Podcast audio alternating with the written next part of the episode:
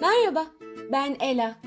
Bugün evrim ağacı ile birlikte güneş tutulmasını, ufacık ayın kocaman güneşi nasıl kapattığını öğreneceğiz.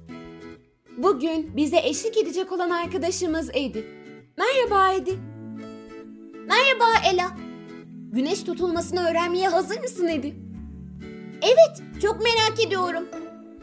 Tamam o zaman küçük bir hatırlatmadan hemen sonra başlayalım Edi. Evrim ağacı bize karanlığı bilimle fethet diyor.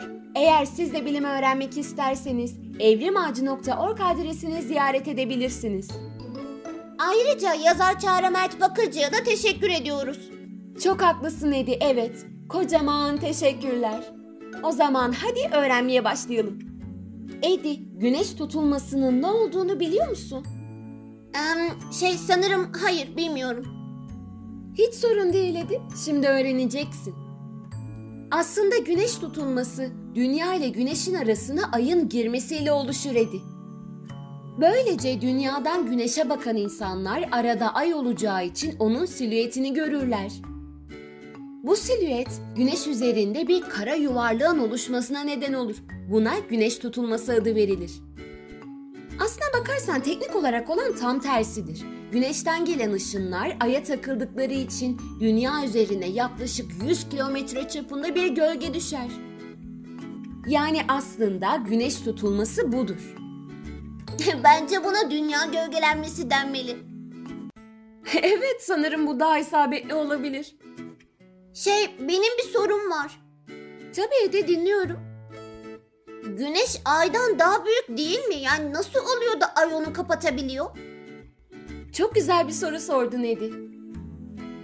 Çok haklısın çünkü Güneş Ay'dan hacimce 64.3 milyon kat büyük.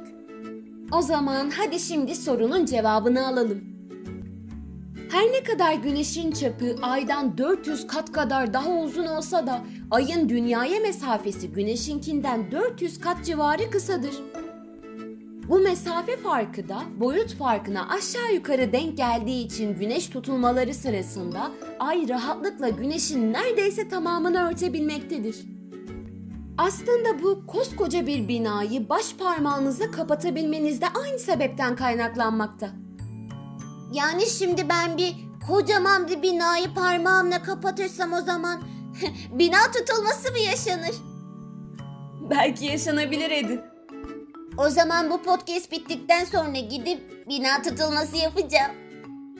Aslında konumuzu burada bitirdik Edi. Yani gidip bina tutulması yapabilirsin. Aa öyle mi? Konumuz burada bitti mi? Evet Edi, güneş tutulması nasıl oluyor öğrenmiş olduk. Ben bina tutulmasını da öğrendim. Sanırım bir süre boyunca hep bunu tekrar edeceksin Edi. Doğru bildin ama konuyu güzel bir şekilde anladım.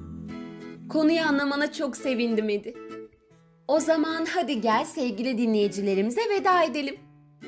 Başka konularda, başka podcastlerde görüşmek üzere. Kendinize iyi bakın. Hoşça kalın. Öğrendiklerinizi tanıdıklarınızı anlatmayı unutmayın. Aslında siz de sevdiklerinizle beraber bir bina tutulması yapabilirsiniz. Çok eğlenceli olacaktır.